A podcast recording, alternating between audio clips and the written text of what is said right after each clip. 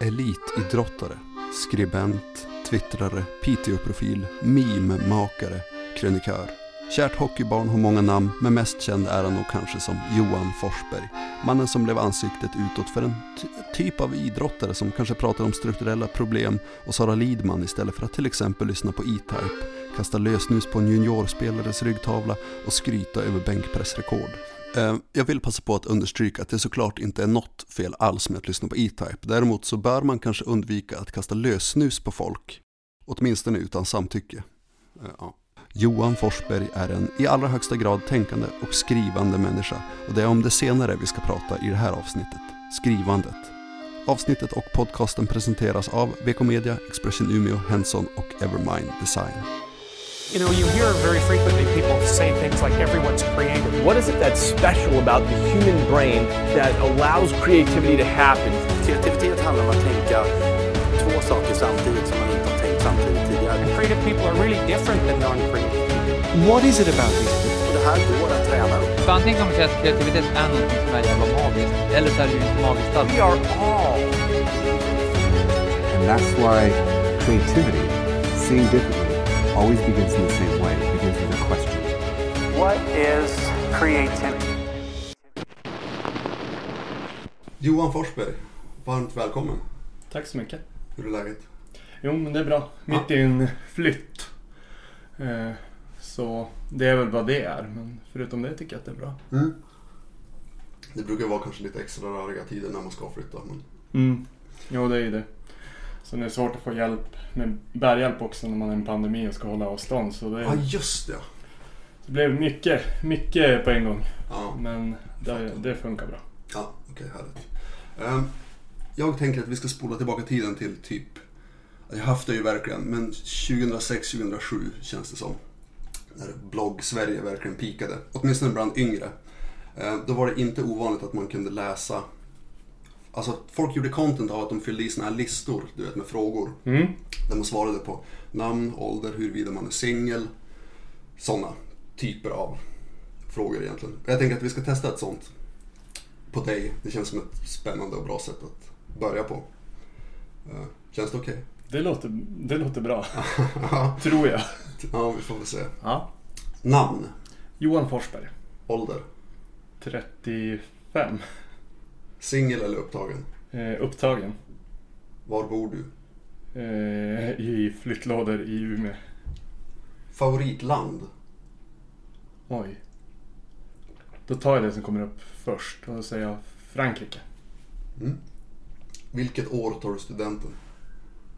eh, jag går ut min skola nu om tre år. Vad var det för år nu? 2021? Mm. 2024 tar jag examen. Ja. Eh, Har du många vänner? Svår fråga. Eh, min lilla syster var på mig om det där i somras och sa att du säger att du har mycket vänner men det är ju bara bekanta. Så det är tydligen skillnad på det. Mm. Eh, Bekant är lite mer ytligt. Ja, ja. jag brukar inte ge skillnad på det egentligen. Kanske så därför, hon läxar upp mig lite grann där. Mm, Men ja, jag har många vänner. Mm. Vad gör du just nu? Eh, Jag flyttar och pluggar och eh, ja, det är bara det jag gör. Jag jobbar lite grann, också Mm, när jag har tid. just det. Längd, 1,86. vikt, Eh, Det gillar jag inte att prata om. Men mindre än när jag spelar hockey. mm. Vad gillar du mest med dig själv? Mm. Att jag löser saker. Piercingar eller tatueringar? Mm. Skaffa piercing i öronen där kring millennieskiftet någon gång. Men de har inte använts jättemycket Nej. på senaste åren. Och sen skaffade jag tatueringar i en 30-årskris. Mm. Eh, Så ja, både... De, de används dagligen. Ja, de jag har inte jättemycket val där men... Ja, ja just det. Eh, Vem smsar du senast med? Eh, min kompis Sebastian. Vad åt du senast? Gröt. Favomat? Gröt. Cola eller Fanta? Eh, spelar inte jättestor roll. Så länge det är light. Ja. Ja men det var de frågorna. Ja, Det gick ändå bra. Det tycker jag. Även om jag känner mig lite så här smutsig som ställde några av frågorna. Nej men det är okej tycker jag. Ja, Eh, ja men härligt. Ehm, Egentligen så hade jag en ganska så här slarvig inledning där jag skulle ta upp att du är känd för att vara hockeyspelaren som föredrar att prata om normer, men i grupp och göra memes hellre än att prata om NHL-legendarer. Men sen kom jag på att du kanske är lite less på det narrativet. Vad mm, känner du?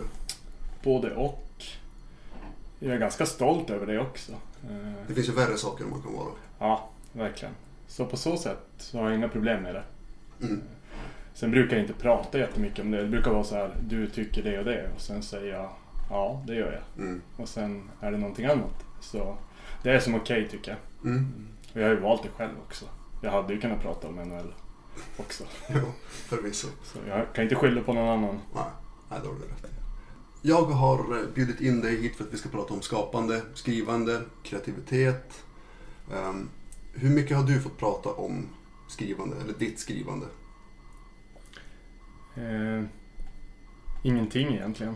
Mm. Eller lite samma som det där du tog upp i början. Mm. Folk har sagt du skriver och så har jag sagt ja det gör jag. Mm. Och så är det som inget mer med det. Mm. Eh, Så jag har pratat om det en del men det är väldigt mycket på ytan. Mm. Eh, Med så här konstaterande att jag skriver. Okej, just det. Så det låter spännande att få prata om det. Ja. Har det blivit mer skrivande nu när hockeyhandskarna ligger på hyllan? Mm, ja det har det blivit. Eh, både på skolan såklart men också utöver det. Jag går, det går ganska mycket perioder för mig skrivandet men det har blivit ganska mycket mer. Mm, Det har det. just det. Du, du pluggar till psykolog. Mm, Eh, stämmer. Vad, vad tycker du om det akademiska skrivandet? Ja. Stelt. Frå- Frågan är hur hård man ska vara. Eh, nej, jag gillar det inte alls. Eh, Okej. nu var jag ganska hård. Nej, men jag, jag tycker det är torrt och träigt och tråkigt. Eh, Mm. Och jag brukar nog inte skriva akademiskt, akademiskt när jag ska skriva akademiskt. Så jag vet inte vad lärarna tycker om det. Okej. Men jag, jag tycker att man kan skriva eh, lite mjukare och lite mer livfullt utan att tappa vad man vill säga. Mm. Och det tycker jag många, mycket av kurslitteraturen har problem med. Mm. Jo, men jag håller med. Ja. Men det, alltså, jag vet inte riktigt hur det har blivit så. Men det känns väldigt torrt Mm. och opersonligt. Det kanske ska vara opersonligt också. Men, Ja, for, Men- forskning tycker jag, det är klart det ska vara opersonligt. mm. Men jag menar en kursbok kan väl ändå vara så här njut, njutnings, njutfull också. Alltså det kan ju vara kul att läsa. Mm. Jag tror man lär sig mer också. Så kan det vara. Eh, jag gör det i varje fall. Ja. Okej. Ja, men eh, som sagt.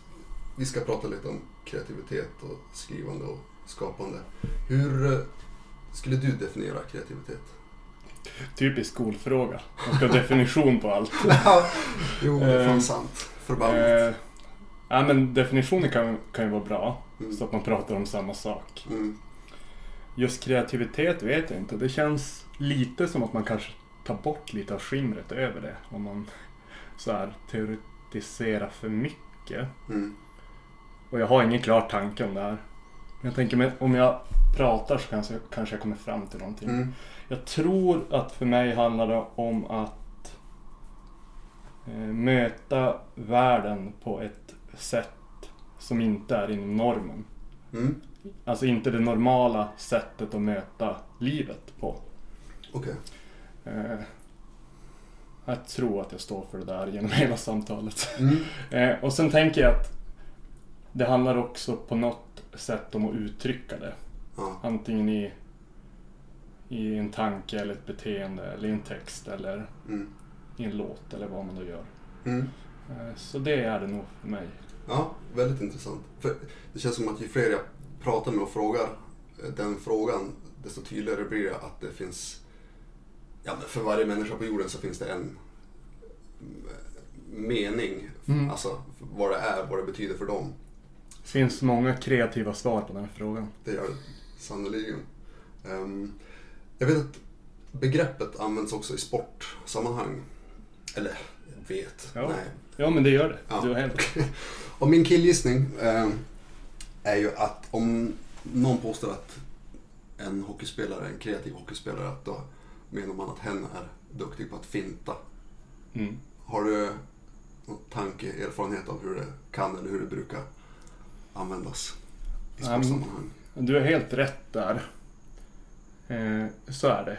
Och jag tänker väl att det kanske passar in i min definition. Ett beteende som inte är det som folk förväntar sig. Mm. Att det är någonting som sticker ut. Mm. Sen så kommer det också med problem att det är vissa typer av kreativitet som uppmärksammas som någonting bättre. Mm. Eh, Jag menar, du kan ju lösa en, en situation på isen på ett sätt som är kreativt men som inte är det som folk gillar, tänker jag. Mm. Eh, Och jag menar, nu tycker folk att finter är ju, det är härligt att se på. Mm. Och det är som att det upphöjs till kreativt. Men det Mm. finns ju många beteenden inom sporten som är kreativa. Men det tror jag går ihop, alltså det kan man ju applicera på allt skapande, tyvärr. Mm. Det är ju vissa som ska säga vad som är bra kreativt. Mm. Jo men verkligen. Jo, på något sätt kan jag väl förstå att det har blivit så. Som att en fintande hockeyspelare, att det är det som bilden av Mm. en kreativ eh, spelare. Det blir ju som, så tacksamt för det är så synligt och tydligt och ja, det finns något flashigt i det. Och, Mm. eh, jag tror att många kanske vill att kreativitet ska vara just det också. Att det ska, som du nämnde tidigare, att det ska ha det här lite skimret. Mm. Att man ska inte riktigt förstå vart det kommer ifrån. Det var bara, "Åh, Nej. vad i helvete var det där? Ehm, ja. Skulle du säga att du har ett stort behov av att uttrycka dig kreativt? Ja, Och, ja. Att, Det- Alltså skapa, Ja. skriva. det har jag. Mm. Verkligen. Jag har tänkt mycket på det där. Varför jag har det och eh, så här, vart jag vill, vad jag vill med det. Mm. Men det har jag. Men jag tror inte det är för min egen skull överhuvudtaget. Okej. Alltså, det, det känns lite naket att säga men jag är ju inte kreativ för min egen skull. Nej. Överhuvudtaget. Alltså ingenting. Okej. Eh, Det är klart att jag skriver för mig själv också. Mm.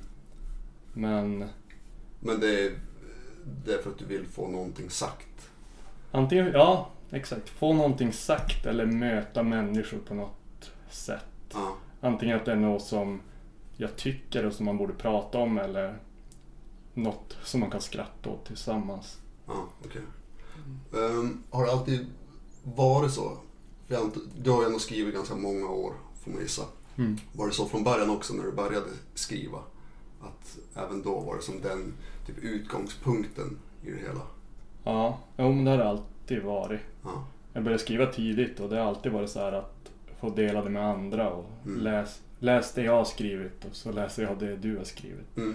Om det handlar om att skriva texter eller krönikor eller... Mm. Jag skriver mycket brev också eh, i livet och det är ju Mm. kanske det jag tycker är mest lustfyllt egentligen.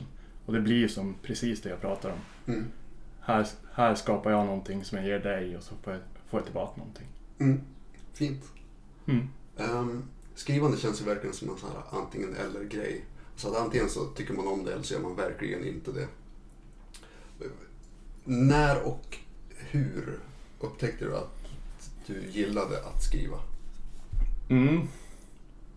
Det var tidigt. Eh, jag började skriva tidigt. Det finns nog två svar på den frågan. För dels så tror jag att jag har fått mycket av berättandet från, alltså i min barndom, den klassiska omtalade norrländska berättartraditionen. Den fanns väldigt mycket i min familj när jag växte upp. Mm. Eh, Jag umgicks mycket mer med vuxna än med barn när jag var, Okej. när jag var barn. Ja. Eh, Så jag satt med vid borden och då var det, jag har många i min släkt som gillar att berätta historier. Mm. Eh, Och ofta lögner som låter som sanningar. Men det blev som ett, ett sätt att förmedla någonting. Så Mm. det, det kommer jag, jag tror det är där jag hittar grunden till mitt berättande. Okej. Eh, och jag har en farfar som alltid satt i bastun när jag var där och berättade historier om hur det var förr i tiden. Mm. Så jag är mycket präglad av det. Och sen började jag skriva tidigt. Eh, Jag kommer ihåg på skolan så att jag alltid med en kompis som jag hade då. Vi skrev berättelser under alla lektioner. Mm. Försökte skriva med så svåra ord som möjligt, kommer jag ihåg. Och så tävlade vi lite grann i att skriva så konstigt som möjligt. Ja, Eh, Sen har det bara fortsatt. okej. Hur viktigt har skrivandet varit och blivit sen dess? Ja, men det är ju... Du Det- sa ju att du, du är lite en periodare. Ja, alltså. Jag skriver alltid. Men Mm. ibland skriver jag varje dag och ibland kan det bli en gång i veckan. Okej. Men det, det betyder mycket, det gör det. Mm. Eh, Både för skapandet i sig men framförallt, jag kommer tillbaka till det, det där att möta människor. Mm. Eh, Så därför har väl skrivandet på internet blivit en stor del för, för mig. Att kunna dela med sig av tankar och Mm. Just det. så. Ja, vi- vi ska komma dit. Mm. Ehm, Men, ehm, jo, men jag är nyfiken ändå på hur, det, hur man tar det här första steget från att kanske börja skriva till att du berättade du att du hade en kompis som ni skrev lite för varann och visade för varann. Men kommer du annars ihåg utöver det hur, hur och när du ändå kanske fick så här, självförtroendet i skrivandet? Jag vet inte om det, det kanske inte finns bara ett ögonblick, det är väl säkert gradvis. Ehm, Men att du på något sätt ändå kände att så här, ja, men nu kan jag visa upp det här Mm. för folk. Det var ganska intressant när du pratade om blogg där i början. Mm. Det var nog väldigt mycket det när jag kände att folk ville läsa vad jag skrev. Mm. Vi startade en blogg, nu vet jag inte hur länge sedan, eh, när jag bodde i Piteå. Mm. Vi hade som ett litet kollektiv. Då startade vi en blogg där och började skriva och det var som, folk tyckte det var roligt att läsa. Eh, Så det var då första gången jag publicerade fel ord men att folk fick ta del av det. Mm. Innan det hade jag suttit hemma under hela min barndom och skrivit saker. Mm. Allt från typiska tonårsdikter till låttexter som man gör typ. Ja. Men det var nog första gången jag kände så här att ja, men någon annan kanske också vill läsa det. Mm. Är det alltid lustdrivet? Eh, Nästan aldrig. Nästan aldrig? Nej. Okej, är- vill du eh, utveckla? Eller har det att göra med det här att du, du vill få någonting sagt? Att de känslorna kanske kommer från någon annan? Mm. Den är en förklaring. Sen tror jag en annan förklaring är att jag är som stöpt i den här idrottsmallen Mm. lite grann, tyvärr. Okej. Jag har en väldigt så präglad prestationspersonlighet. Eh, Så det, det blir jobbigt på så sätt att Mm. jag... Det blir jobbigt, alltså mottagandet blir jobbigt när jag inte vet vad folk kommer tycka om saker. Okej. Och sen lägg... Och så man då till det lägger att jag aldrig vet om något jag har skrivit är bra eller inte. Okej. Och det säger jag bara inte. Alltså jag har ingen aning. Mm. Oavsett om det är en tweet eller en, krönika. Jag har jättedålig känsla för vad folk kommer tycka. Okej. Eh, Så sånt som jag tycker är bra eh, får jag ingen feedback alls på. Ja. Och sånt som jag kanske inte gillar lika mycket kan bli så jätteuppskattat. Okej. Eh, Så det, på så sätt blir det inte lustfyllt. Det blir mer så här oro. Ja, fan. Mm. Men själva skrivandet, i vilken form det nu än är, alltså penna och papper eller Twitter eller Mm. vad som helst. Är det ändå någonting du får energi av? Eller känns det lite som ett träningspass att få ur sig orden? Förstår du vad jag menar? Ja, jag förstår vad du menar. Alltså, man verkar fram någonting. Mm. Eh, Jag tycker inte det är jobbigt att skriva. Jag skriver alltid väldigt snabbt. Eh, Jag sätter mig ner och så skriver jag allt rakt igenom bara. Sen är det klart. Eh, ja, Jag tror att jag får kanske energi av det ändå. Ja, tack gärna. Jag får nog lite mer energi av det ändå. Eh, Innan jag förstår att någon annan ska läsa det. Det är väl då det blir jobbigt. Mm. Men... Nej, jag tycker inte att det är ansträngande. Det gör jag inte. Okej. Jag har väldigt lätt för att skriva oavsett vad det är. Och när du börjar skriva någonting, vet du redan då om det här, om det är någonting som ska visas upp eller läsas av någon annan? Eller utgår du alltid från att det först och främst det här är för dig själv? Och sen om, det, om du hamnar på något ställe som känns bra när du är klar med texten, att ja men då, ja men det här kanske kan, Jag utgår alltid från att någon ska läsa det. okej så du har som alltid en publik. Ja. Eh, Och sen tänker jag att det som känns jobbigast att dela med sig av, Mm. det känns nästan viktigast att skicka ut på något sätt. Okej. Eh, så har det blivit. Alltså mina jobbigaste texter är de som är så här, det här måste ut. Mm. Eh, och på så sätt kan det vara för min egen skull kanske. Mm. Men utgångspunkten är alltid att det ska finnas en mottagare i någon form. Okej. Ehm, Det går ju lite emot, alltså så här, man läser ju mycket om folk som säger att man skapar för sig själv. mm. Och jag kan ju förstå den biten men det är som aldrig klickar för mig. Mm. Eh, Jag vet inte om det är bra eller dåligt. Man kanske Nej, inte behöver värdera det överhuvudtaget. Nej, det tror jag inte. Nej. Eh, och, och, det spelar nog ingen roll heller tror jag i slutändan. Det känns som det skulle vara härligare om det var så. Mm. Mm. Kanske. Men eh, ja, allt i livet är ju inte härligt. Nej. Kommer du ihåg din största läsupplevelse? Oj. Eh, gör jag det? Det kan ju vara svårt att pinpointa en också. Mm, jag är så också sån här... Jag har otroligt lätt för att läsa halva saker eller sluta. Jag läser ju nästan aldrig klart någonting. Är det sant? Mm, nästan aldrig. eh, det har som varit så hela livet. Ja, okej. Jag skulle säga att kanske... Jag läser kanske klart 60% av sakerna jag börjar läsa. Men varför? Ja, det blir väl någon slags psykoanalys av mig själv här. Ja, men jag tror ändå att det handlar om att, utan att låta pretentiös, att det är texten och berättandet som betyder mer. Det behöver inte ta sig i mål. Okej. Det gör inte jättemycket för mig. Mm. Det är samma i allt. Alltså det är samma i filmer eller serier eller Mm. som sagt böcker. Det, det är mer så att vara inne i det som spelar roll. Mm. Eh, Så min, därför hamnar jag ganska mycket att läsa. Alltså mina största läsupplevelser är därför kortare saker. Mm. Eh, Det kan vara typ dikter eller noveller eller... Om jag ska säga en så säger jag nog ändå... Jag säger nog Torgny Lindgren Hummelhonung tror jag. Mm. Mm, jag hamnar nog där. Jag brukar hamna där när jag ska svara på det. Eh, Så jag får göra det idag också. Ja. Ja, den är ju otrolig. Mm. I, I sin eh, här, enkelhet. Mm. Och den är så otroligt jag vet, tydlig. Det känns som en så här urhistoria nästan på något Mm. sätt. Väldigt bra. Jag vet inte om jag läst klart. Och, och den är ju inte jättetjock heller. Nej, Men eh, 60 procent kanske. jag tycker det räcker. Mm. Ofta räcker det med att läsa 60 procent. Eh, största skrivupplevelse? Jag känner mig jävligt finurlig när jag kom på den frågan. Men jag kan tänka mig att den är ganska svår. Ja, men jag gillar den. Okej.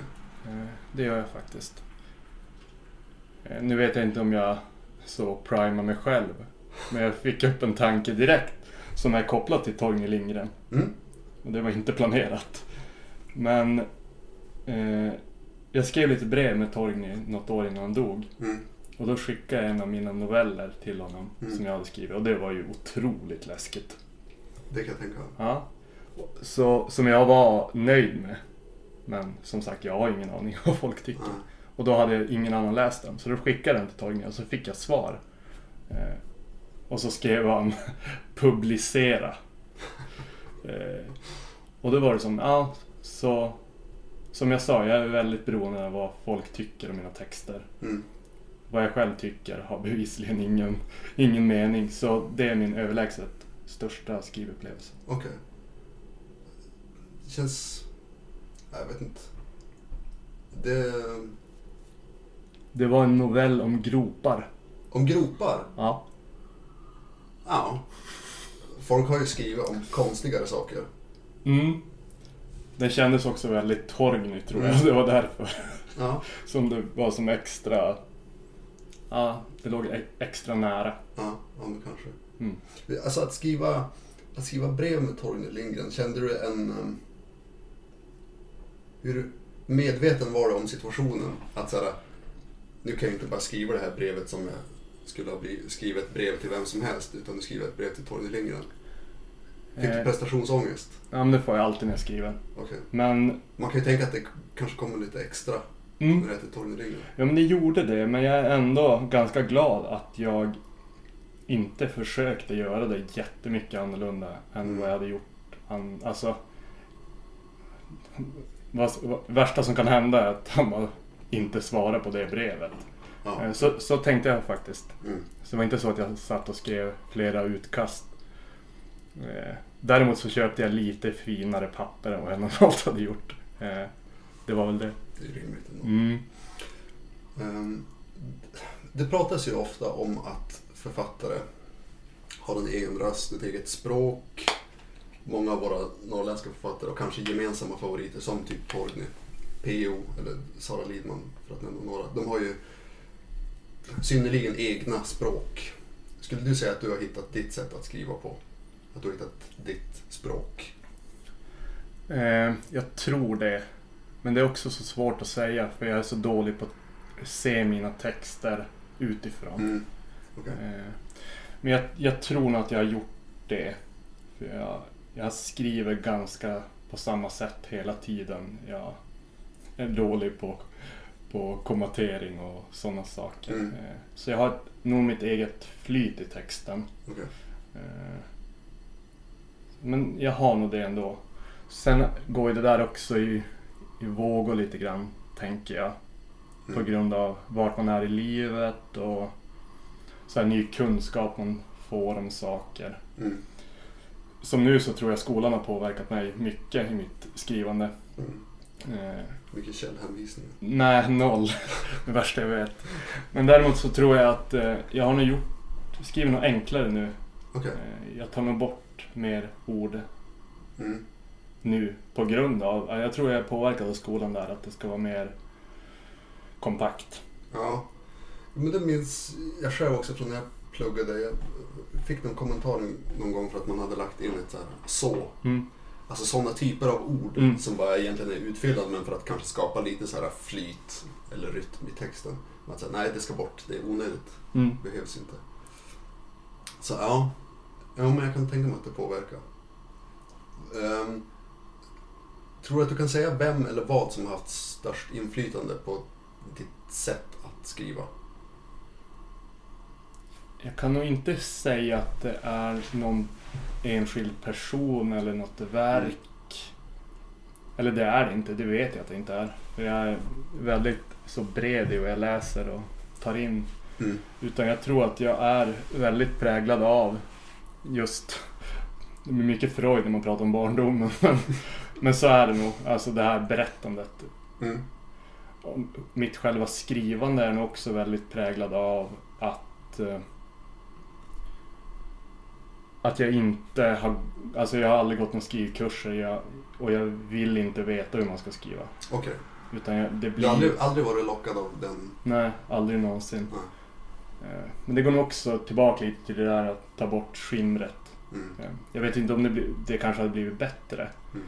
Men jag känner att om jag skriver någonting så ska det vara alltså person, det ska vara jag som skriver det. Mm. Eh, inte någon mall jag ska följa eller någon teknik. Eh, så Mm. det tänker jag fortsätta med. Okej. Um, tror du att ditt... För du är ju numera pensionerad hockeyspelare. Tror du att ditt skrivande har tjänat på att du inte har skrivit... Det är svårt att skriva på heltid, men att du inte har skrivit mer utan att istället har du ägnat dig åt något helt annorlunda. Mm. Jag har aldrig tänkt på det. Jag tror att det har påverkat. Mm. Jag vet inte om det har påverkat positivt eller negativt. Ja. Eh, Jag tror nog att jag hade blivit bättre om jag hade skrivit mer. Okej. Det tror jag. Jag tror jag kanske hade också fått en tydligare egen röst. För nu, som jag sa, den där perioden när jag skriver mycket, då känner jag mig nog också mer trygg i det jag skriver. Mm. Eh, Sen så tror jag, eller nej jag tror inte, jag vet att jag har fått många insikter från idrotten Mm. som jag kunnat ta in i mitt skapande. Mm. Så det tror jag har adderat, Mm. verkligen. Eh, Så det är nog lite både och med det. Mm. Du har ju, du har ju sk- skrivit mycket om sport och hockey framförallt. Så att det känns ju ändå som att det kanske var ganska bra och viktigt att det blev som det blev. Ja, men jag tror också det. Sen tycker jag hockeyn funkar, eller idrotten överlag, funkar ganska bra som en metafor för många saker. Mm. Eh, många saker som är viktiga för mig som alltså, gemenskap och så här, sträva mot någonting och Mm. också så här, ett arbete. Som Ja. man också skulle, alltså det finns ett bra narrativ i idrotten som man kan använda. Eh, Så det tror jag har hjälpt mig mycket. Mm. Att kunna skriva om saker som är viktiga för mig i den kontexten. Mm. Och jag tror också att det har varit jätteviktigt att försöka lura folk att läsa det jag skriver. Mm. Eh, Det är intressant att du säger lura. Nej men alltså det blir lite så. Ja. Eh, för jag menar, nu menar jag inte så att man ska egentligen lura, men jag menar det finns ju många ungdomar som kanske inte läser jättemycket. Det finns ju ungdomar som aldrig skulle gå in på en debattartikel Mm. och läsa det. Mm. Men de kanske läser det jag skriver. Mm. För att jag skriver om hockey. Mm. Fast kanske ändå inte. Mm. Ja, precis. Eh, så det har jag sett som en, en uteslutande bra sak. Du, jag eh, kommer att tänka på nu en text som jag har läst av dig som du har skrivit eh, om TV-pucken. Mm. Det känns ju, men det är ett ganska bra exempel på det du pratar om. Vad har du fått för respons på den? Otroligt mycket. Mm. Eh, väldigt bra, alltså uteslutande bra kommentarer. Mm. Eh, och det, det, är ju, det blev en viktig text för mig, men det är också en sån där text som jag skrev på fem minuter kanske. Mm. Eh, och som jag skickade ut och hade, jag tänkte väl att ja, men det här står jag för, men jag hade ju ingen aning att det skulle bli så viralt som det blev och delat liksom tiotusentals gånger. Mm. Eh, Så jättebra exempel på en text som jag inte visste alls om den skulle flyga eller inte. Mm. Eh, Men jag är väldigt glad att den gjorde det. Mm. Och det är väl en text som är eh, inte viktig för mig.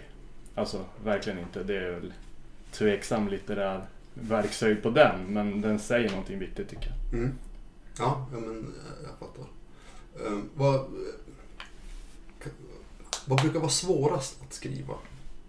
Har du, finns det ett... Nej, egentligen ingenting. Eh, Som sagt, jag är väldigt lätt att skriva. Eh, Men det är typ det eventuella publicerandet som är det svåra. Nej, alltså jag, jag har lätt för det också. Jag publicerar ju det bara. Det är Ja. mina egna känslor, mina egen affekthantering som är problemet. Mm. Eh, publicerar ju också bra. Jag skickar det bara, sen glömmer jag det. Mm. okej. Tills det börjar komma kommentarer. Ja. Eh, men, eh, men som sagt, jag har väldigt lätt för att skriva. Jag har skrivit en del copy åt Mm. så här, byggföretag. Det går bra, det är bara att skriva. Mm. Och jag har skrivit noveller om gropar, som sagt. Eh, så själva skrivandet är aldrig ett problem.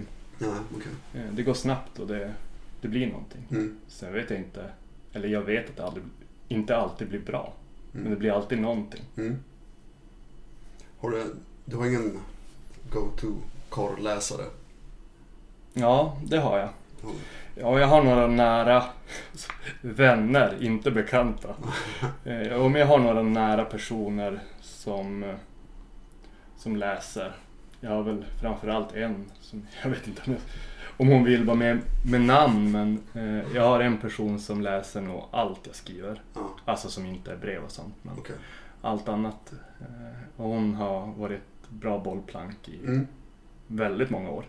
Vad, ehm, för det där kan ju vara känsligt för vissa och inga problem alls för andra. Alltså hur man tar kritik till exempel. Mm.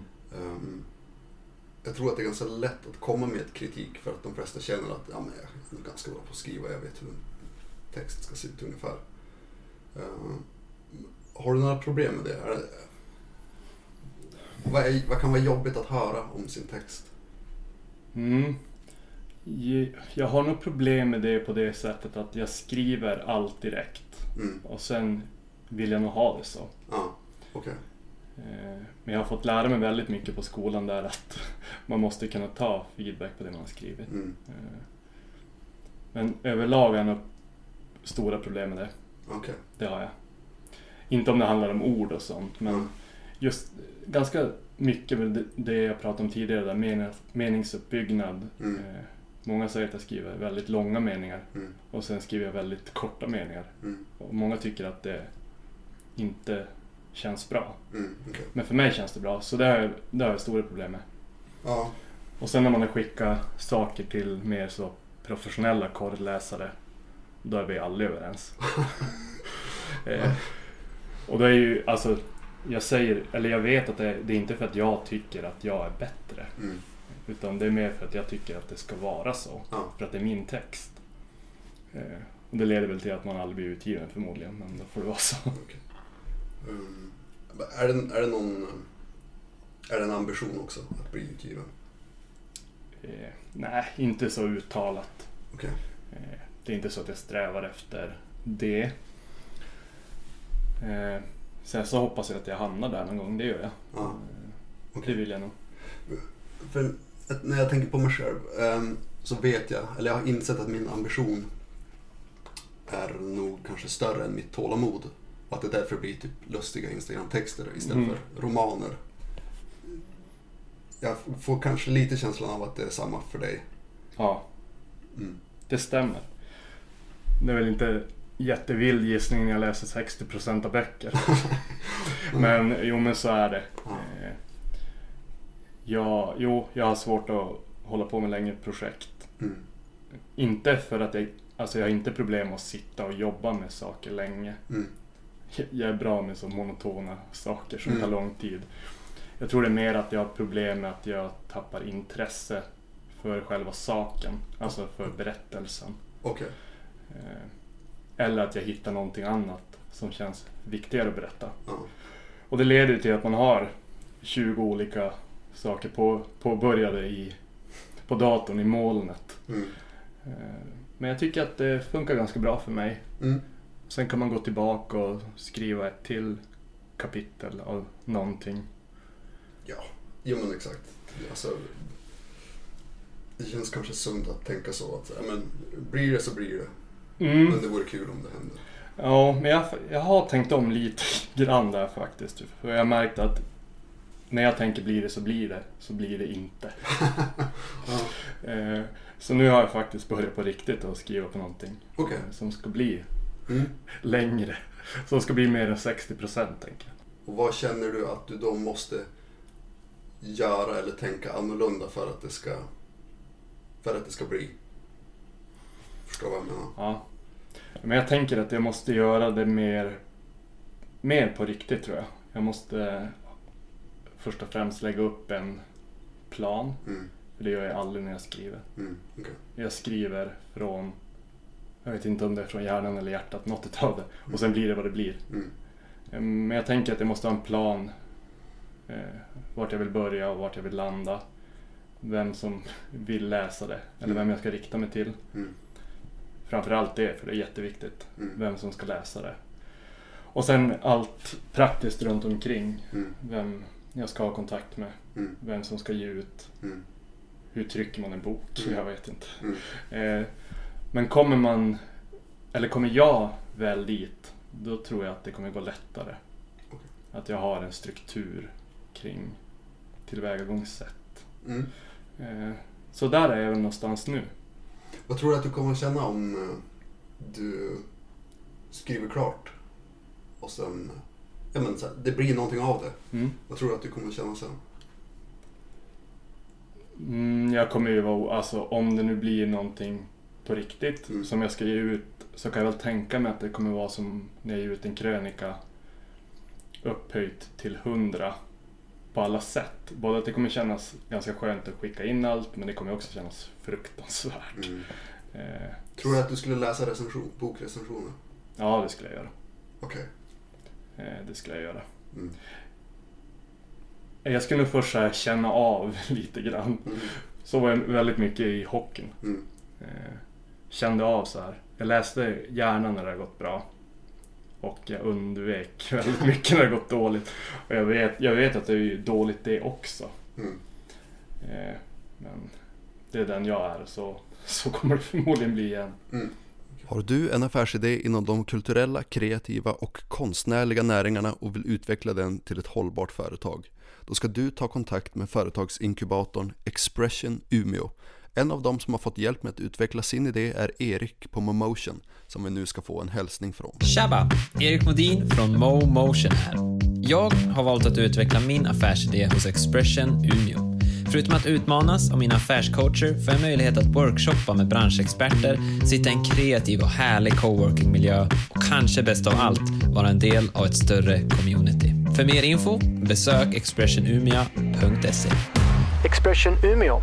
Creative Minds Unite. Är du duktig på att spara sånt som du har skrivit? Ja och nej. Tidigare var jag jättedålig på det. Ja. När jag skrev mycket fysiskt. Då var det grejer överallt och ingenstans. Mm. Det kunde ligga i gamla lådor och i någon pärm och i Mm. anteckningsböcker. Men nu är det jätteskönt att allt är på internet. Du skriver du alltid på datorn? Ja. Okej. Förutom brev Ja. så skriver jag allt på datorn. Ja. Det. Eh, det gör jag.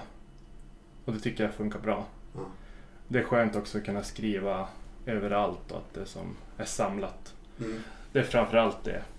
Eh, Tidigare skrev jag mycket för hand men då var ju det problemet att börjar man på någonting och så sen är man på ett hotell någonstans och så har man inte tillgång till det då, då är det svårt att fortsätta när man har en tanke. Mm. Ja, det är klart.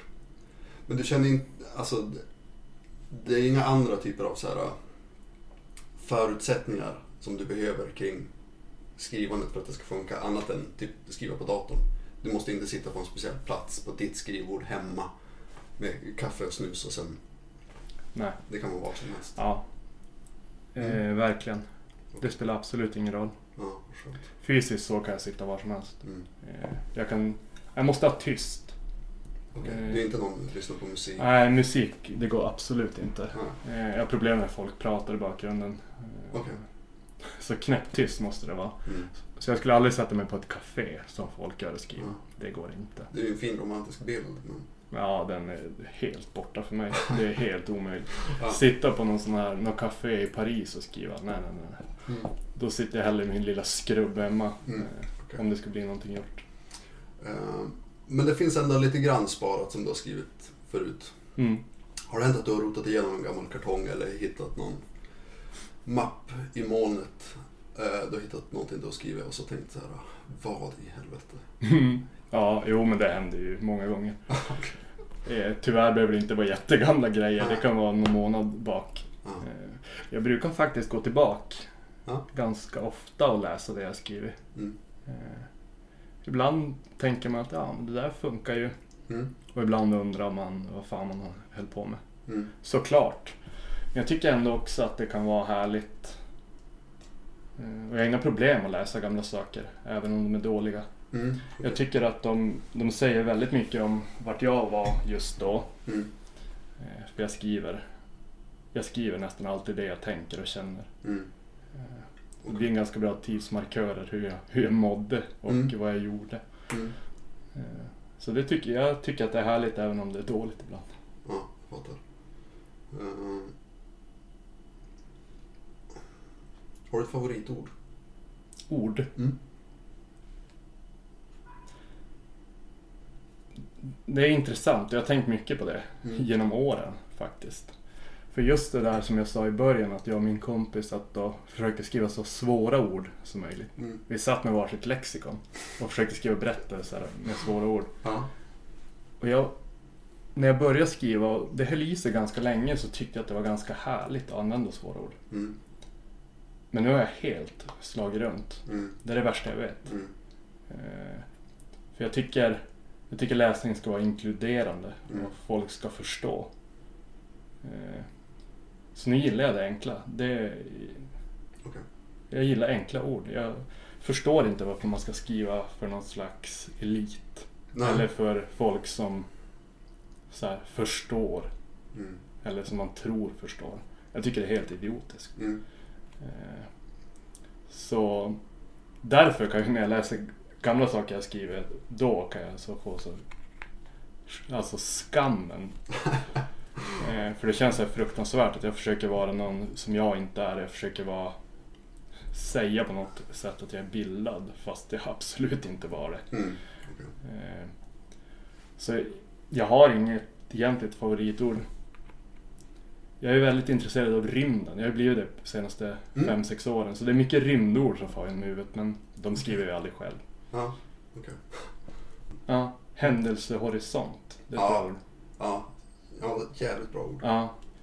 Både för vad det är, men jag, ty- jag tycker det är vackert också. Mm. Men det är också så här lite svårt ord. Ja, Det är svårt att greppa vad det är. ja. Men man förstår ju på ett ungefär. Och det är väl, Mm. Det tror jag, det är ju ett, ett, i alla fall en av anledningarna till att jag gillar ordet. Mm. Man förstår ungefär. Det kan betyda ganska många saker också. Jag tycker nästan det är vackrare om man inte pratar om svarta hål utan att man pratar om det som någonting i livet. Mm. Ja, så det gillar jag. Det är ett bra ord. Ja, Det kanske blir titeln på min bok. det kanske blir det. Ja, men som vi var inne på tidigare eh, och var överens om att båda kanske har problemet att ambitionen är större än tålamodet. Och att det är just därför som det blir roliga texter på sociala medier snarare än romaner. Ehm, och jag tänkte att vi ska komma in lite grann på sociala medier för där är du ju aktiv kan Mm. säga. Ehm, du är ju duktig på att skriva, du är en underhållare. Jag tycker att du har en bra förmåga också att peka ut något tankeväckande i saker. Alltså det kan vara både något väldigt vardagligt men också något ehm, som sticker ut mer. Ehm, nu kanske det är svinjobbet att sitta och höra saker som du har twittrat. Ehm, Nej, men det är okej. Eh, Men jag tänkte gärna läsa upp några saker. Eh, En av dem, jag tror att den här blev ganska viral också, för jag har sett den lite här och var. När man tände lampan i baksätet på bilen och föräldern som körde skrek i panik. Jag ser knappt vägen! Det är min barndoms största lögn. Den är bra. Mm. Eh, Och så har jag hittat en till också, som är fan otrolig. Okej. Minns när min vän hittade en stor rosa varböld under pungen. Väl på sjukhuset visade det sig vara en Ahlgrens bil som smält i hans kalsong. Ja, sann historia. Ja, man vill ju veta mer om den personen. Jag kan berätta mer. Ja, jättegärna. Eh, Det är en av mina bästa vänner som är... Alltså, han är väl sjuk mellan, mellan tre och fem gånger om dagen. Mm. Så det, det sätter också där en, en kontext som är ganska härlig. Ja. Han är en sån här som svimmar på flygplan så fort det guppar lite grann. Och han är otroligt... Han är också en väldigt bra berättare. Mm. Eh, Så den där historien har vi skrattat många gånger åt när han åkte in till akuten i panik. För han kände att det, ja, det var en böld Mm. där. Som han försökte få bort. Men då hade han ju som, somnat då. Eh, Jag vet inte varför. Han, han hade väl ätit godis i sängen tror jag.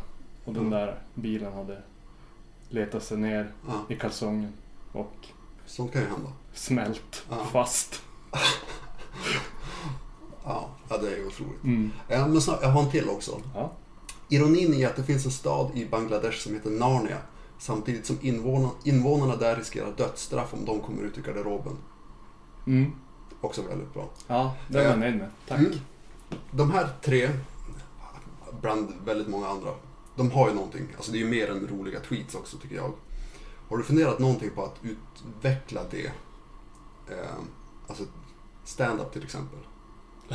Verkligen inte. Nej. Eh, nej. Nej, det har jag inte tänkt på. Jag tycker det där är ganska bra forum för mig. Ja. För jag, är- jag är ganska... Du känner att du har hittat rätt typ format på det hela? Ja. Jag är ganska rädd för den här direkta feedbacken som vi pratade om innan. Ja. Det finns väl ingen mer direkt feedback än stand-up tänker Nej, nej, jag. Eh, precis. här blir det också, på Twitter och Instagram blir det också direkt feedback. Men då kan jag ju välja att inte log- logga in och Ja, kolla. exakt. Jag tror inte heller man kanske tappar ansiktet på samma sätt. Nej, det är svårt om, om, jag, om man säger någonting på en stand-up-scen och det inte landar Ja. och så här lägga sig och gråta på scenen. Det kan man ju göra hemma, det är inga problem. Mm. Eh, så jag håller mig, jag håller mig nog hemma. Ja, okej. Ehm, Svenska Dagbladet listade för ett antal år sedan ehm, Sveriges mest inflytelserika sportprofiler på Twitter. Där fanns du med. Ehm, på Twitter har du ungefär, eller lite drygt, 26 000 följare. På Instagram har du ungefär 10 000. Slår man ihop dem så det blir ganska många. Det blir ungefär som befolkningen i Piteå kommun. Mm. Ja, det är ju en spännande tanke. tycker jag. Reflekterar du någonting över hur så påverkansmöjligheten som du eventuellt kan ha i att ändå så många följer dig? Alltså med Norrlands mått så är det ju det är en större ort Mm. som du har i ditt följe som läser det du skriver. Ja. Men det är lite svindlande Ja. faktiskt när du säger det. Det finns nog också två svar på det. Många gånger tänker jag inte alls på det. Mm. För annars hade jag nog inte skrivit så många dumma saker Nej. som man skriver. Mm. Så det kanske är bra att leva i någon slags förnekelse att det är 40 000 som ska läsa det. Mm. Så på så sätt tänker jag inte alls på det. Men däremot om jag vill förmedla någonting så tänker jag väldigt mycket på det. Mm. Eh, Det finns vissa saker jag aldrig skulle skriva till exempel. För jag förstår att bland annat att jag har många ungdomar som läser det jag skriver. Mm. Så där är jag väldigt försiktig.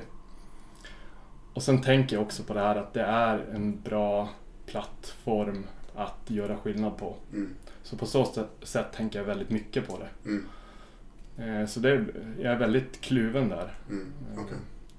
Jag har nog den där tanken hela tiden att att det är många som läser, att jag måste tänka efter innan jag skickar ut saker. Mm. Eh, Men sen inser jag att ibland så glömmer jag helt bort det. Mm. Och kan skicka ut saker om Ahlgrens bilar på pungar. Mm. För jag menar det är ju sådana saker, jag har ju skrivit många sådana pinsamma saker om mig själv också. Mm. När folk har kommit fram på stan och, och när min mamma har sagt skrev du det här på internet? Mm. Och då har jag bevisligen inte tänkt på det. eh, det kom, bara nu förra sommaren kom det fram en... Jag var med min mamma på stan och så kom en av hennes kollegor fram. Mm. Och då kom det fram att han följer mig på Twitter Mm. och berättar allt till min mamma som jag skriver om henne på Twitter. Mhm. Mm. Eh, Då hade jag skrivit bland annat någonting om att hon kom hem till mig min sambo och började så här, tvätta i våran diskmaskin.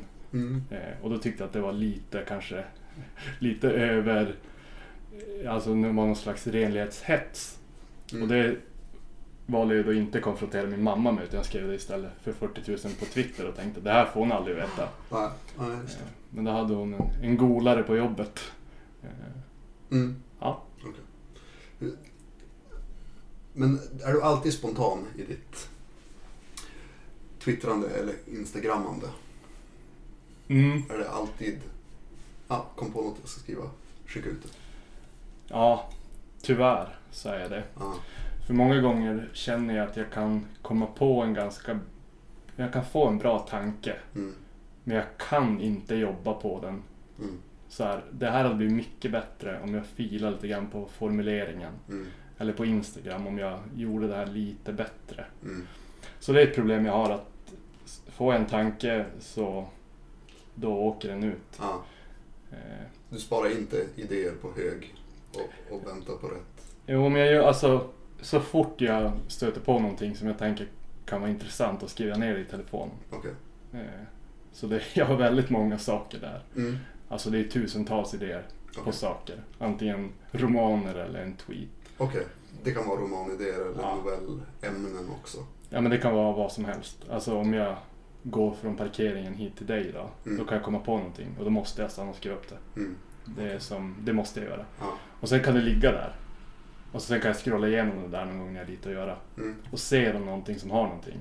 Då skriver jag det och så skickar jag ut det direkt. Mm. Eh, Jag önskar att jag hade bättre tålamod. Okej. För om man... Jag brukar själv gå tillbaka på Twitter någon gång per år och kolla vad jag skriver. Mm. Och så ser jag någonting och så tänker jag det här hade kunnat bli bra. Men nu, nu blev det så här. Ja. Innan jag skulle dra till träningen så skickade jag iväg någonting. Okej. Eh, Tyvärr. Mm.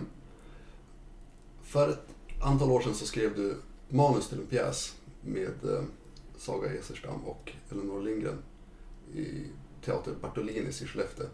En feministisk teaterduo. Ehm, hur var den upplevelsen? Spännande. Mm. Eh, väldigt... Jag blev väldigt glad när de frågade. Läskigt såklart. Mm. För jag kommer inte från, alls från någon sån... Man får kalla det finkultur ändå, teater tycker jag. Jag kallar det finkultur. Ja, men jo. Ja, det tror jag. Att man Ja, men teater känns fint. Ja. Eh, det tycker jag. Ja. Eh, och jag... vi gick aldrig på teater när jag var yngre. Mm. Eh, Jag har knappt varit på teater. Det känns som att det kanske är någon, om man gör det någon gång i skolan. Mm, Men det exakt. någon märklig teater. Ja, med så här halvknackiga maskeradkläder. Ja, jo, precis. Mycket djur. Mer kaffe?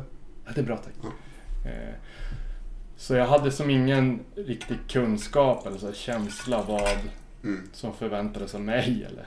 Jag visste inte vad teater var. Alltså intellektuellt förstår jag det. Men jag... Okej. Så det var läskigt, men det var också kul. Ja. Eh, och- Men jag lyckades ändå övertala mig själv om att de ville att jag skulle vara med för att jag skrev som jag skrev. Mm. Så det gjorde jag. Hur tyckte du pjäsformatet känns i övrigt? Är det något du skulle vilja göra mer av? Eller det kanske är någonting du Ja, gör redan eller skriver? nej inte egentligen, men jag gillar ju det. Ja. Eh, För det är ju också, Det är ganska rakt och enkelt. ja exakt. Och det, det är ett väldigt bra berättande tycker jag. Mm. Och de gånger jag har varit på teater i vuxen ålder så ja, jag uppskattar det väldigt mycket. Eh, Det gör jag. Mm. Så det, det är klart att man skulle vilja testa det fler gånger. Mm. Eh, Men jag har ingen så plan. Nej. Förutom de tusen utkast jag har på telefonen. Ja. Vi pratade tidigare om huruvida du har någon stor skrivupplevelse eller läsupplevelse. Har du någon stor teaterupplevelse också?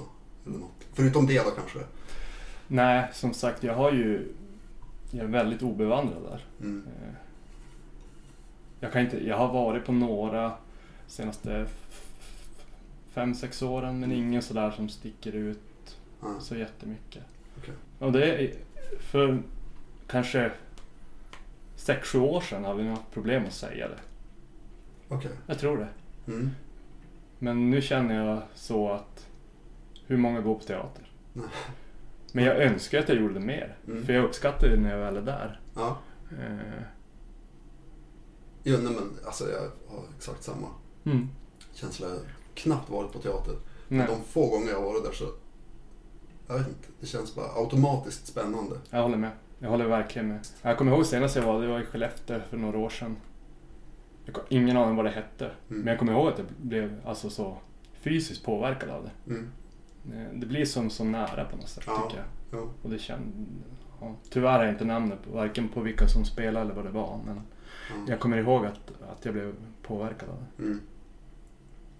Um, finns det något annat som du skulle vilja göra mer av eller testa?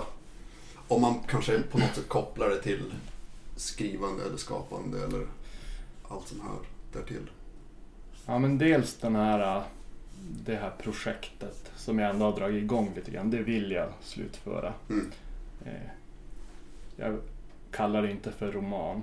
Mm. För jag vet inte om det sätter mer press på mig själv kanske. Ja. Men den längre texten Mm. arbetsnamnet. Så det vill jag göra. Eller det ska jag göra klart.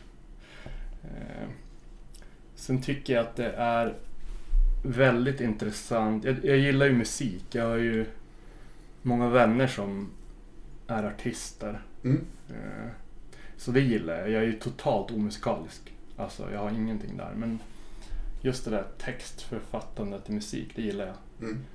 Eh, Men jag har ju som, självklart inga ambitioner på det men eh, jag tycker det känns, känns så väldigt långt borta men det känns också Mm. så äggande på något Ja. konstigt sätt.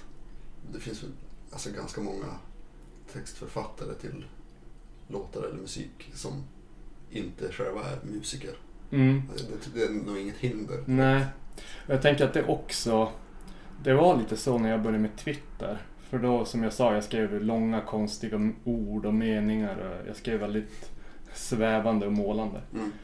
Eh, Så det blev som ett sätt för mig själv att koka ner saker till det minsta som ändå skulle hålla. Mm. Så tänker jag att det är inom, när man ska skriva en låt också. Mm.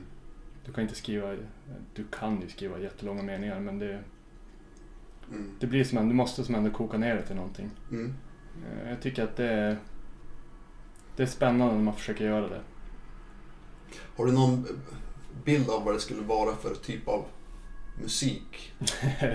Nej, Vi startade faktiskt ett band, jag och två kompisar från Piteå. Mm. Och jag tror vi kallade elektronisk shoegaze. eh, och vi gjorde en låt. Eh, ja. Fast vi, vi, vi jobbar mycket mer på allt runt omkring än vi jobbar på musiken. Mm, mm. Eh, Det är minst lika viktigt. Mm.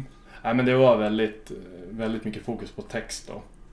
Eh, kanske för att vi inte kunde några instrument. Mm. Ja, ingen av er kunde? Nej, ingen. Nej. Nej. Okej. Eh, Mm. Nej, jag vet inte. Musiken spelar mindre roll för mig. Det är mer i sådana fall. Text. Där jag kommer in och påverka. Ja, okej. Ja. Nu har det blivit dags för en hälsning från våra vänner på kommunikationsbyrån Henson. De är verkligen intresserade av det här med västerbottnisk kreativitet och innovation. I de här åtta avsnitten så kommer de att göra korta nedslag i vår kreativa historia. Vi ska få höra om olika västerbottniska innovationer och påhitt som har förändrat världen i både stort och smått på 15 sekunder. Häng med när vi lämnar över till Henson. Visste du att den klassiska MC-struten som användes för att undvika vinddrag i ansiktet är en uppfinning med rötterna i Västerbotten? Struten uppfanns och tillverkades i Stavaträsk utanför Jörn på 40 och 50-talet. Ja, ett superfint bevis på den norrländska kreativiteten. Tack så mycket Henson. Har du, kan du komma ihåg det bästa rådet som du har fått? Och, och nu behöver det kanske inte vara kopplat till skrivande utan det kan istället handla om typ sport eller att bli bättre på någonting eller vad som helst. Det bästa rådet som du har fått. Det bästa rådet. Jag kommer att tänka på två saker. Och det är som ett... En av de sakerna är från det jag sa tidigare. Mm. Och som jag har försökt lyssna på som Torgny skrev i brevet. Publicera. Mm. Jag har varit väldigt påverkad av det. Mm. Och jag tror också det har lett till att jag skickar ut allting som jag skriver i princip. Mm. Eh, Så gör det. Oavsett vem du är eller om du tycker att det är bra eller inte. Det finns ju jättebra forum att skicka ut saker. Om det, om det är Twitter eller vad det är. Ja. Eh, Så det har jag som burit med mig sedan den dagen. Och generellt i livet så har jag fått ett bra tips av en kompis att inte sätta upp mål. Mhm. Mm. Den är spännande. Ja, och det är också väldigt kopplat till det jag sa att jag är en så prestationsperson. Ja, okej. Och sätter man upp mål så är det lätt att man, om man kommer fram, så tänker man så här, var det ingenting mer? Mm. Eh, Så har jag känt lite grann inom idrotten. Mm. Eh, Jag lyckas vinna ett SM-guld. Mm. Och det är ju härligt. Mm. Men sen står man där några dagar senare och tänker, var det bara det här? Mm. Och då blir det som en liten kris. Mm. Och misslyckas man med att nå målet, då är ju det åt helvete såklart. Så sätt inte upp mål, utan det den kompisen sa till mig var att man istället ska jobba i en riktning. Mm. Det här vill jag vara. Mm. Eh, Och då kan man jobba med det varje dag. Ja. Så det försöker jag verkligen så leva efter nu. Mm. Att jag ska ingenstans. Jag behöver inte läsa klart boken. Eh, utan det viktiga är vad jag gör nu och vilken riktning jag är på väg. Mm. Det är väldigt spännande, alltså det är en spännande tanke för det känns som att det går lätt att koppla till skrivande också. Jättemånga författare har pratat om ja, men, sin debut på det sättet. Att man har närt sina författardrömmar väldigt länge och sen när man till slut blir utgiven, alltså den tomheten som Mm. finns där. Eh, att det farliga är att faktiskt uppnå sina drömmar. Ja. Så det är nog kanske en ganska bra lärdom. Att, Ja, det låter, som sådär mörkt och pessimistiskt att säga att det är farligt att nå sina, sina, sina mål. mm. Jag tror det kan vara det på riktigt. Mm. Eh, Så det håller jag med om. Ja, men jag har inte tänkt på det på det sättet att det kanske inte är ett mål man behöver utan snarare en riktning. Mm.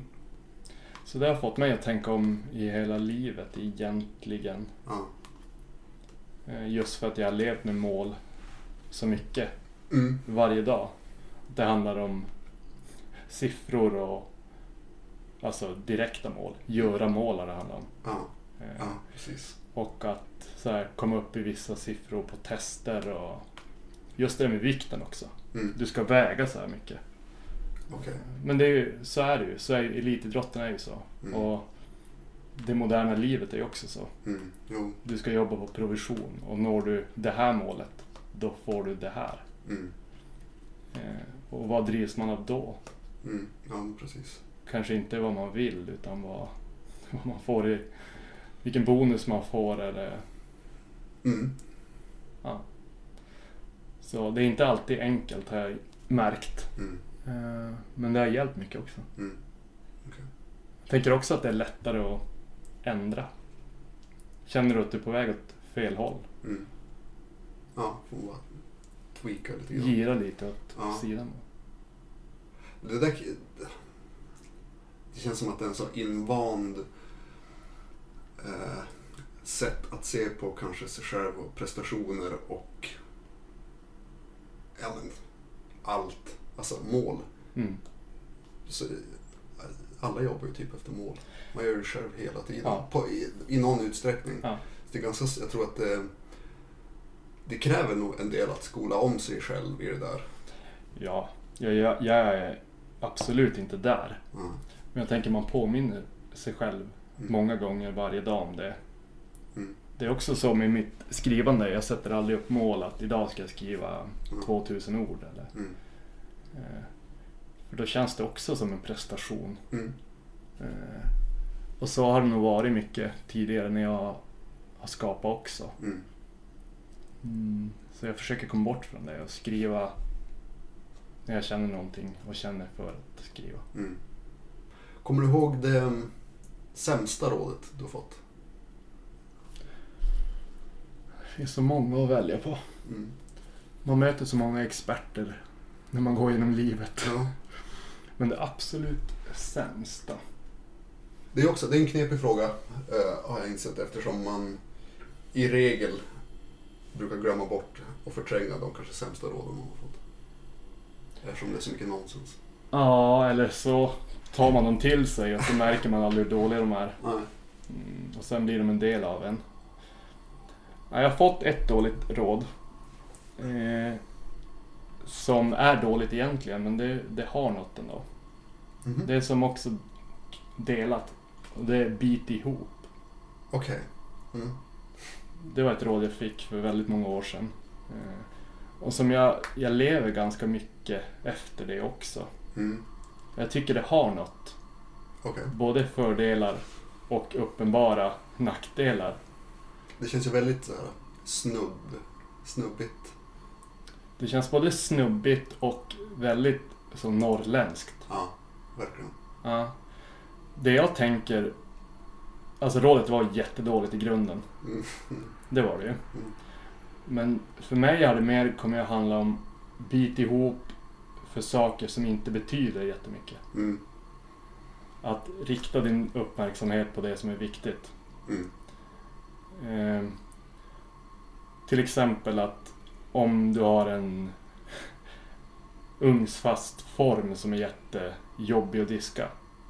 Det är ju jobbigt, Mm. men bit ihop. Mm. Det finns viktigare saker. Mm. Eh, Så det som var ett ganska dåligt råd hade ju ändå något tycker jag. Ja. Det blir som en, inte så bit ihop när du mår dåligt, för det är ju viktigt. Mm. Då tycker jag ska vara tvärtom. Mm. Prata jättemycket om det. Mm. Men saker som kanske inte spelar så stor roll. Mm. Om din sambo har glömt ky- kylen öppen, bit ihop. Mm. Det gick faktiskt så långt att jag tatuerade bit ihop benet. Ja. Mm. Ja, men då kommer du inte glömma, glömma Nej. bort det. Så det betyder mycket och det är också en sak som jag tar med mig.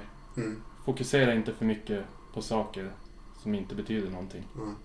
Ja, men det finns så otroligt mycket så här, energitjuvar Mm. och energiläckage som bara inte, inte är värt det. Nej, men det är också så mänskligt att ens eget lidande är ju, alltså det är ju någonting, även om det är en form i disken. Mm.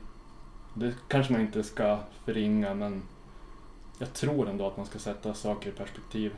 Mm. Saker som är små och som kan störa en Mm. helt i onödan. Mm. Och där hamnar jag ofta. Mm. Att små saker är jobbiga. Mm. Men det försöker, försöker jag förändra. Mm, okej. Ja, jag... ehm, jag har inga fler frågor. Känner du att det är någonting som vi har missat? Nej, Jag tycker det var ett jättefint samtal. Och jag har nog sagt det jag vill. Ja. Men ehm, då säger vi så. Det gör vi. Tack för att du ville komma hit. Tack, det är jag som ska tacka. Det var avsnitt sju av Kill Your Darlings med Johan gånger två, Selstedt och Forsberg. Denna gång inspelat i mitt kök, eh, så om ni hörde något märkligt brus i bakgrunden där några gånger så var det mitt kylskåp som är från 1700-talet. Shoutout till min fastighetsägare Frank Om du inte redan följer Johan Forsberg i sociala medier så tycker jag absolut att du ska göra det. På Twitter heter han @johanforsberg och på Instagram @johan_forsberg. Jag vill passa på att tacka VK Media, Expression Umeå, Henson och Evermind Design. Nästa vecka är det dags för avsnitt nummer åtta, säsongsavslutning.